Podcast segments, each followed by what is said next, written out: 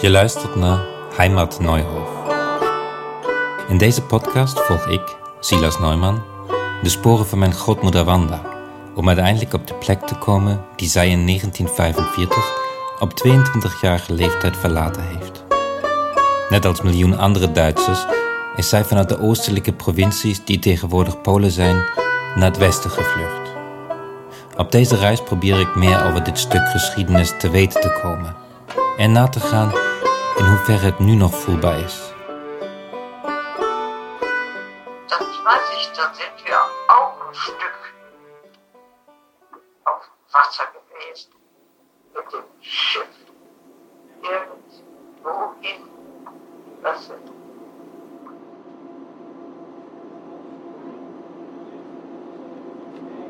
Wiege en ik varen op een boot de haven van Swinoujscie binnen.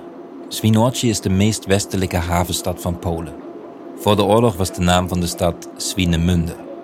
En het was een modieus Duits badplaats. Tijdens de Tweede Wereldoorlog was Swinemünde de bestemming van veel schepen die uit de oostelijke gebieden kwamen, met vluchtelingen aan boord. Uit de verhalen die oma Wanda over haar vlucht en het varen verteld heeft, maak ik op dat zij hier naartoe is gegaan. Je ziet hier direct een duidelijk verschil met de Duitse badplaatsen, 10 kilometer verderop. Hier staan vooroorlogse villas tussen naoorlogse betonflats. Hier is meer leven en het voelt rauwer. De haven is zowel industrie- als marinehaven. Er liggen Poolse krijgsschepen voor anker en hijskranen steken vanuit de kade richting zee uit.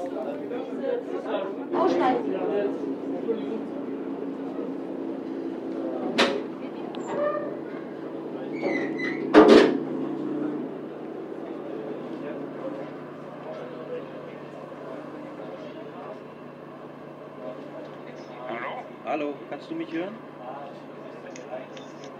Kannst du mich hören? Rudi? Hallo? Ich höre dich. Hallo? Hallo. Ich höre dich auch. Als we van de boot in Swinoujscie stappen, belt Rudy.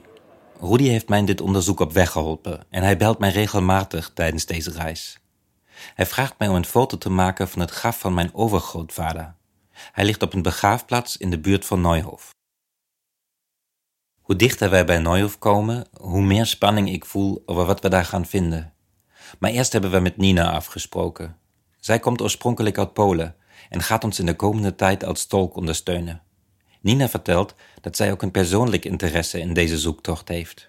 because it's the same. It was for my grandpa the same thing. Yeah, and that's very, very interesting. So he was there like uh, mm, close to Lviv. That's where he was also studying. Uh, and actually, my gra- uh, my grandfather's family was also deported. Toen na de Tweede Wereldoorlog besloten is om het Duitse grondgebied te verkleinen, is tegelijkertijd ook besloten dat Polen in zijn geheel naar het westen opschuift. Wat als consequentie had dat de mensen die in de oostelijke gebieden van Polen leefden, naar het westen moesten verhuizen. In die door Duitsers verlaten gebieden. En hier was Nina's grootvader er één van. Samen met Nina rijden we naar Kolobczek, een stad die iets oostelijker aan de kust ligt en waar oma Wanda bij de post gewerkt heeft. Vanuit deze stad is zij met een schip vertrokken toen het Russische leger dichterbij kwam. Door talrijke pogingen van Nina weten we inmiddels dat het zoeken in Poolse archieven bijna uitzichtsloos is. Daarom bezoeken we hier plekken waarvan we weten dat ze een betekenis voor oma Wanda hadden. Zover dit mogelijk is. Kolobczek is namelijk in maart 1945 door het Russische leger bijna volledig verwoest. Oma Wanda moet op dat moment alweer verder onderweg richting westen geweest zijn.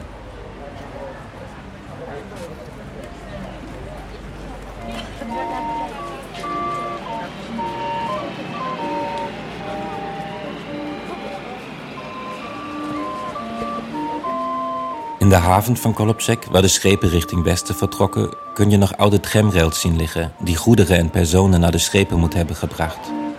Veel toeristen staan hier om op een van de schepen te stappen die een rondvaart langs de haven maakt.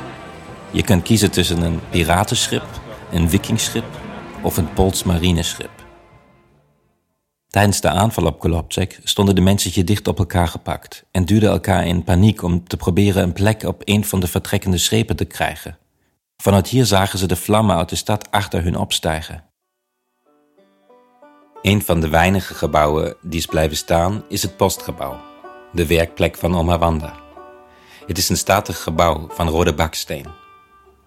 Ook de kleine loketten aan de binnenkant zien eruit alsof ze in 80 jaar niet zijn veranderd. Ze zijn in een halve cirkel opgesteld en naar de klant gericht. De netjes geklede dames die hierachter zitten kletsen met elkaar als ik probeer hen niet te opvallend te bekijken. Ik kan mij goed voorstellen dat Wanda hier tussen zat. Niet bezig met de oorlog, wel met de mode.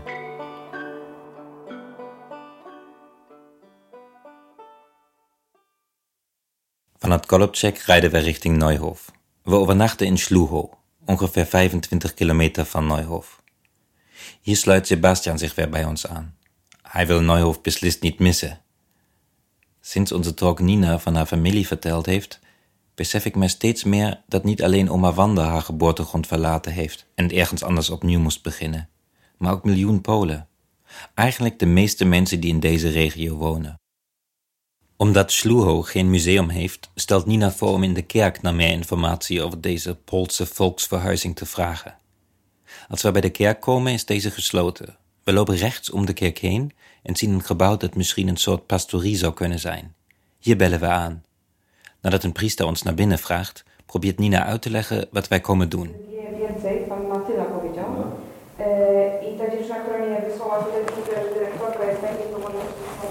De priester zegt niets, maar steekt zijn vinger in de lucht en gebaat ons achter hem aan te lopen. We lopen naar zijn kantoor, waar hij achter zijn bureau een telefoon pakt. Hij belt iemand die Alek heet. Volgens de priester is hij de geschikte man om ons meer te vertellen. Alek woont hier al zijn hele leven en hij heeft voor de gemeente gewerkt. En geen vijf minuten later komt Alek al de kamer binnen.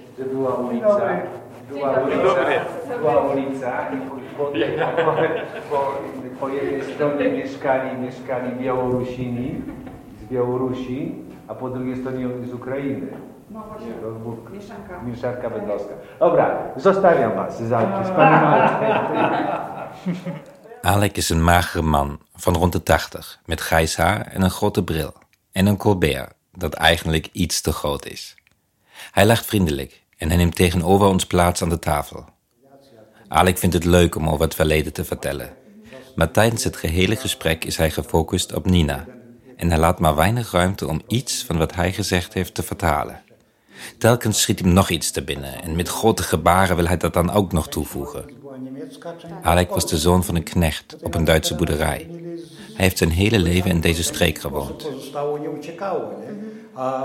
Als kind had hij hier veel speelkameraadjes die uit Belarus en de Oekraïne hier naartoe verhuisd waren. Aan de overkant van de straat bijvoorbeeld woonde een Oekraïens gezin met zes kinderen. De families uit de Oekraïne kwamen met de trein. De huizen waren hier allemaal verlaten door de vluchtende Duitsers, maar alles stond er nog. Meubilair, landbouwmachines en soms zelfs het vee. Toen die treinen hier aankwamen, zei men bijvoorbeeld: de mensen uit de eerste drie wagons kunnen aan de linkerkant een huis uitzoeken en de achterste wagens aan de rechterkant. Nina vraagt hem of zij hier verplicht heen moesten. Tworzyły się te bandy wojenne. One współpracowały nawet z Hitlerem. nie? Alex zegt dat het wel gedwongen was. Je kon je er tegen verzetten. Maar er was ook zoveel haat tussen de volkeren na de oorlog, terwijl ze voor de oorlog zonder problemen samenleefden. De grens was verplaatst en alles stond op scherp. Mensen waren bang dat als de Polen niet zouden vertrekken uit het Oekraïns gebied, het niet lang zou duren voordat zij in opstand zouden komen. Daarom hebben de Russen angst gezaaid. Ik heb gehoord van slachtingen op maakpleinen in sommige dorpen, vertelt hij. En hier stond natuurlijk alles leeg. Net zoals in Garbek. Alex zegt dat hij Garbek goed kent en de naam Tisla wel vaker gehoord heeft. Maar dat hij niet meer weet of hij ze nu persoonlijk kent of dat het door verhalen van anderen was. Gar Garbek. Garbek to jest tu chyba gmina Tak, bardzo blisko. Tak, tak, zaraz za rogiem. Garbek, jak się nie mylę, bo tam jest taka Tak, miejscowość. nazywa się Wanda Tischner. Tischner, Tischner. Tischler. Sorry. Się to biło kiedyś takie, no bo nazwiska niektóre, nazwisko tam jest popularne. z opowieści wśród ludzi. Nie? Het is bizar dat een land dat een zesde van zijn bevolking verloor in een oorlog waarin het tegelijkertijd door Duitsland en Rusland aangevallen is, aan het eind ook nog in zijn geheel verplaatst moest worden. En dat mensen die de taal niet verstonden en geen relatie met de streek hadden, hier een nieuw leven moesten opbouwen.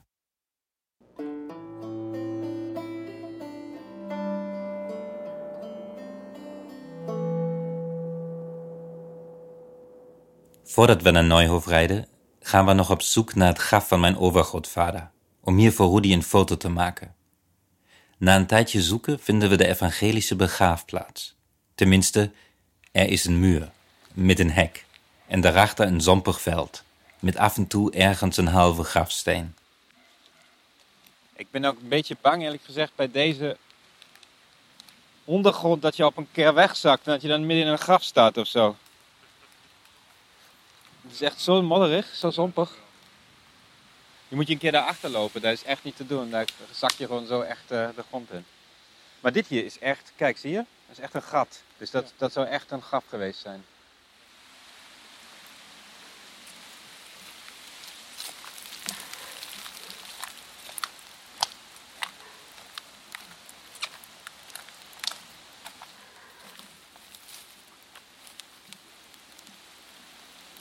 Je dan meer grafstenen gezien? Nee. Nee, ja, gewoon korte. Ik vind wel heel gek dat je van hier overheen kan lopen tot modder, maar dat je dan. eh ja, je loopt dus over een graf, over doden of zo. En dus ook over mijn. Wat is het, overgrootvader? Die, li- die zou hier moeten liggen. Die ligt hier. Juist omdat het geen plechtige begraafplaats is, maar een modderveld waar geen enkele grafsteen met opschrift meer te vinden is, raakt het mij. Het verleden zakt je in de grond weg en is boven verder ook geen herinnering meer aan. En zo loop ik misschien over mijn overgrootvader heen, of sta ik op de resten van zijn botten.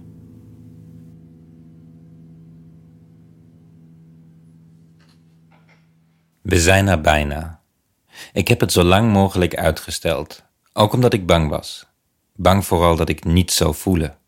Dat het feit dat oma Wanda geen kleurrijk palet uit mijn herinnering meer is, maar vooral het beeld van de fijne dame, ervoor zal zorgen dat ik niets voel. Als ik teleurgesteld ben, dan is dat misschien helemaal niet erg. Dan is het tenminste ontwikkeling. Maar wat als ik niets voel? Als ik in een willekeurig Pools plaatsje terechtkom en denk: wat moet ik hier? Precies dat probeer ik te ontwijken, door bijvoorbeeld druk te zijn met wat de mensen die met mij meereizen moeten doen en na te gaan of iedereen wel op zijn gemak is. Sebas vraagt mij wanneer ik op deze reis het dichtst bij mijn gevoel kwam. Dat waren zeker de dagen dat ik daarvoor gekozen heb om te lopen. De dagen waarop ik maar vanuit de ratio naar het lichaam moest om ervoor te zorgen dat het verder zou gaan. Op het moment dat je loopt, beleef je de reis intenser. Wij besluiten dat ik de laatste etappe van Schluho naar Neuhof ga lopen. Het is volgens Google Maps 26 kilometer. Als ik in Neuhof ben, zal de rest van de groep met de auto naar mij toe komen.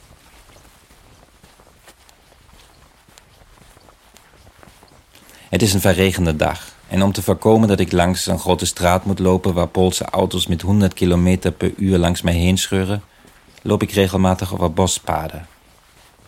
Google Maps weet jammer genoeg niet zo heel goed welke paden nog begaanbaar zijn en welke misschien 20 jaar geleden voor het laatst zijn gebruikt. Het hoge gras en de regen zorgen er al op de eerste kilometer voor dat mijn schoenen door en door nat zijn. Dit gecombineerd met het feit dat ik zeker meer dan drie keer de weg kwijt ben, zorgt ervoor dat ik er serieus over nadenk om mij door de anderen te laten ophalen. Jeetje kut. En Google heeft mij ergens in het bos gestuurd. Een doodlopende weg en uh, op de weg. Ik schrik met de pletten. En nou ja, ik zit nu ergens fucking kilometers van de grote straat af. Ik weet niet hoe we dat doen. En ergens is het toch anders door de fucking Poolse regen te lopen dan uh, de Duitse natuur. Het is toch een stukje minder veilig hier, voelt het dan. Ik weet niet waarom. Eigenlijk wordt deze dag maar een metafoor voor mijn hele reis. Het is niet noodzakelijk om dit te doen. En het voelt soms nep. Maar als ik het serieus neem, dan kom ik mezelf tegen. En dan wint de reis en ook de bestemming aan waarde.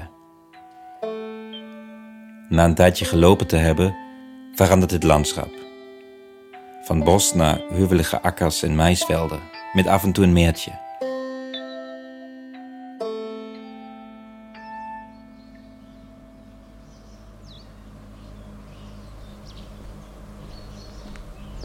Achter een bocht met bomen zie ik eindelijk het bord. Gabek. Neuhof. Het paradijsje van oma Wanda. Het is precies zoals ik mij het heb voorgesteld. Precies zoals ik had gehoopt dat het zou zijn. Het is een dorp van vijf of zes boerderijtjes, allemaal in één straat. Aan het begin van het dorpje staat een groot houten kruis. En een groen geverfd huisje dat een bushalte voorstellen moet. En naast zijn alle brievenbussen voor de boerderijen van het dorp. De honden blaffen als ik het dorp over de versleten straat binnenloop. Ik zie kippen en ganzen en tegenover een houten vakenstal herken ik de boerderij van de foto's die ik zo vaak bekeken heb. De plek waar oma Wanda, Friedel, Liesjen en hoe ze allemaal heten opgegroeid zijn. Achter het huis rijdt een trekker op een gloeiende akker.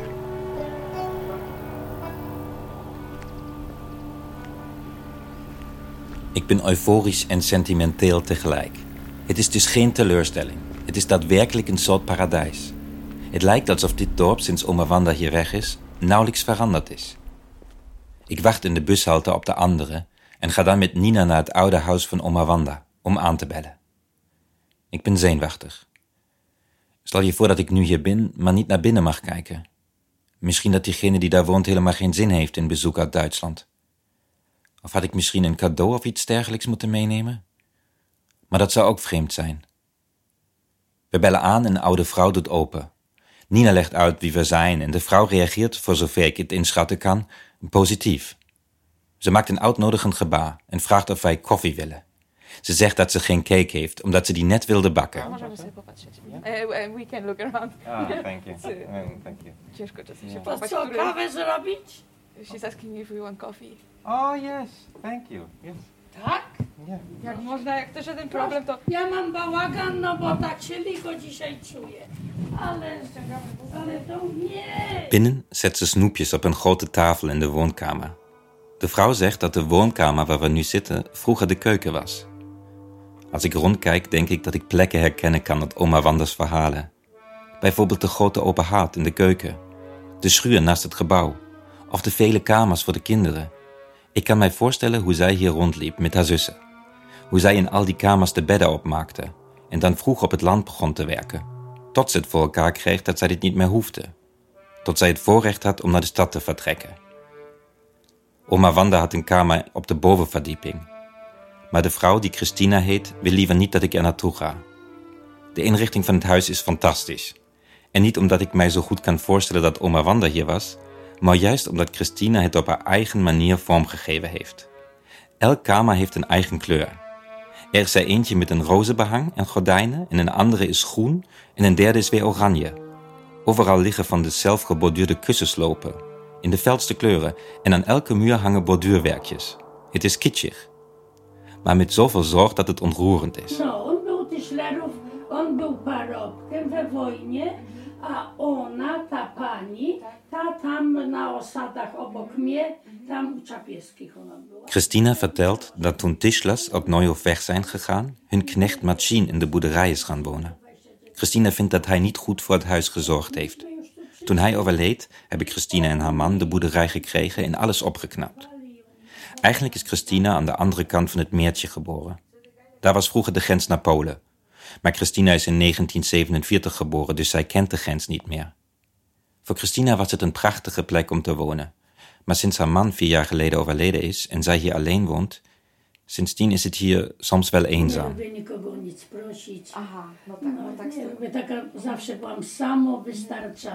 Ze zegt dat ze nog alles zelf doet.